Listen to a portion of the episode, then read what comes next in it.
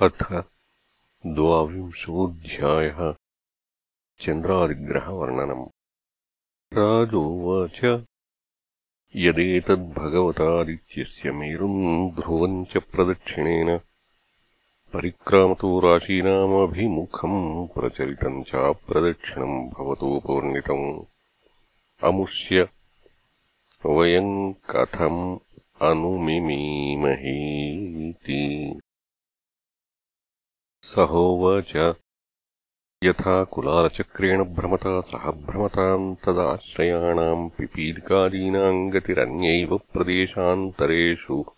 अपि उपलभ्यमानत्वात् एवम् नक्षत्रराशिभिरुपलक्षितेन कालचक्रेण ध्रुवम् मेरुम् च प्रदक्षिणेन परिधावता।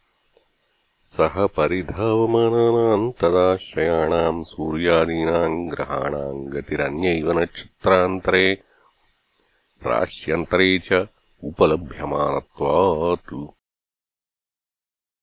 स एष भगवान् आदिपुरुष एव साक्षान्नारायणो लोकानाम् स्वस्तय आत्मानम् त्रयीमयम् कर्मविशुद्धिनिमित्तम् कविभिरपि च वेदेन विजिज्ञास्यमानो द्वादशधा विभज्य षट्सु वसन्तादिषु यथोपजोषमृतु गुणान् विदधाति।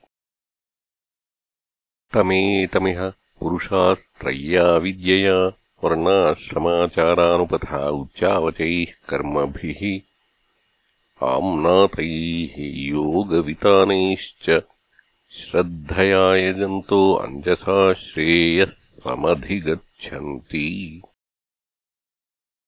अथ स एष आत्मा लोकानाम् द्यावापृथिव्योरन्तरेण नभोवलयस्य कालचक्रगतो द्वादशमासान् भुङ्क्ते राशिसञ्ज्ञान् संवत्सरावयवान् मासः पक्षद्वयम् दिवा नक्तम् चेति।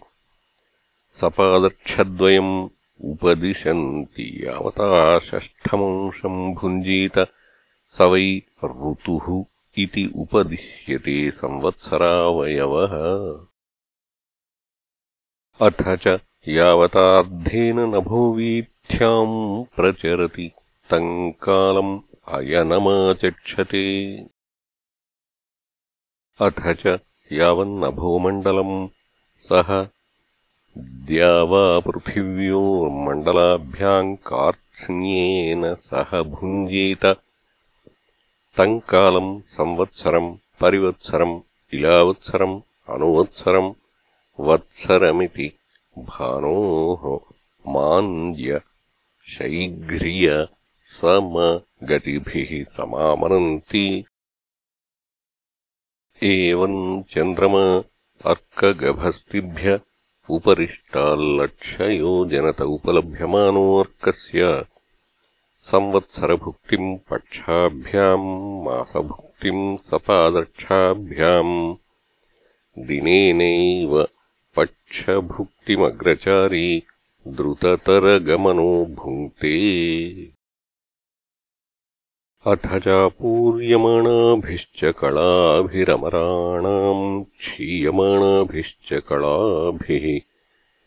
पितॄणामहोरात्राणि पूर्वपक्षापरपक्षाभ्याम् वितन्वानः।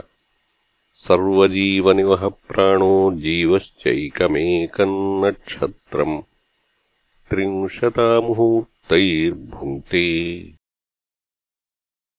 स एष षोडशकलः पुरुषो भगवान् मनोमयो अन्नमयो अमृतमयो देवपितृमनुष्य भूतपशुपक्षिसरीसृपवीरुधाम् प्राणाप्यायनशीलत्वात् सर्वमय इति वर्णयन्ति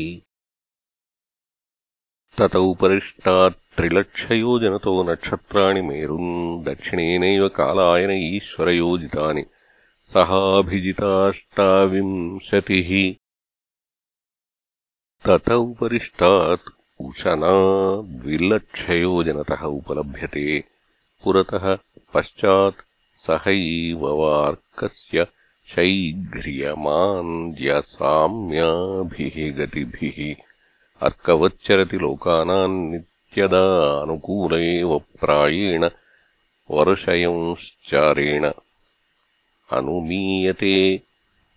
स वृष्टिविष्टम्भग्रहोपशमनः उशनसा बुधो व्याख्यातः।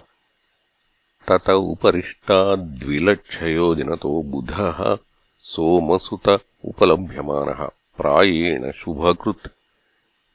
यदार्काद्व्यतिरिच्येत तदातिवाताभ्रप्रायानावृष्ट्यादिभयमाशंसते अत ऊर्ध्वमङ्गारकोऽपि योजनलक्षद्वितय उपलभ्यमानस्त्रिभिस्त्रिभिः पक्षैः। एकैकशोराशीन् द्वादशानुभुङ्क्ते यदि न वक्रेणाभिवर्तते प्रायेणाशुभग्रहो घशंसः। तत उपरिष्टाद्विलक्षयोजनान्तर्गतो भगवान् बृहस्पतिरैकैकस्मिन् राशौ परिवत्सरम् परिवत्सरम् चरति। यदि न वक्रः स्यात् प्रायेणानुकूलो ब्राह्मणकुलस्य। तत उपरिष्टाद्योजनलक्षद्वयात् प्रतीयमानः शनैश्चर एकैकस्मिन् राशौ त्रिंशन्मासान् विलम्बमानः सर्वानेवानुपर्येति तावद्भिरनुवत्सरैः प्रायेण हि सर्वेषामशान्तिकरः। तत उत्तरस्माद्ऋषय एकादशलक्षयोजनान्तरे उपलभ्यन्ते। य एव लोकानाम् शमनुभावयन्तो। भगवतो विष्णोर्यत्परमम् पदम् प्रदक्षिणम् प्रक्रमन्ति इति श्रीमद्भागवते महापुराणे पारमहंस्याम् संहितायाम् पञ्चमस्कन्धे द्वाविंशोऽध्यायः।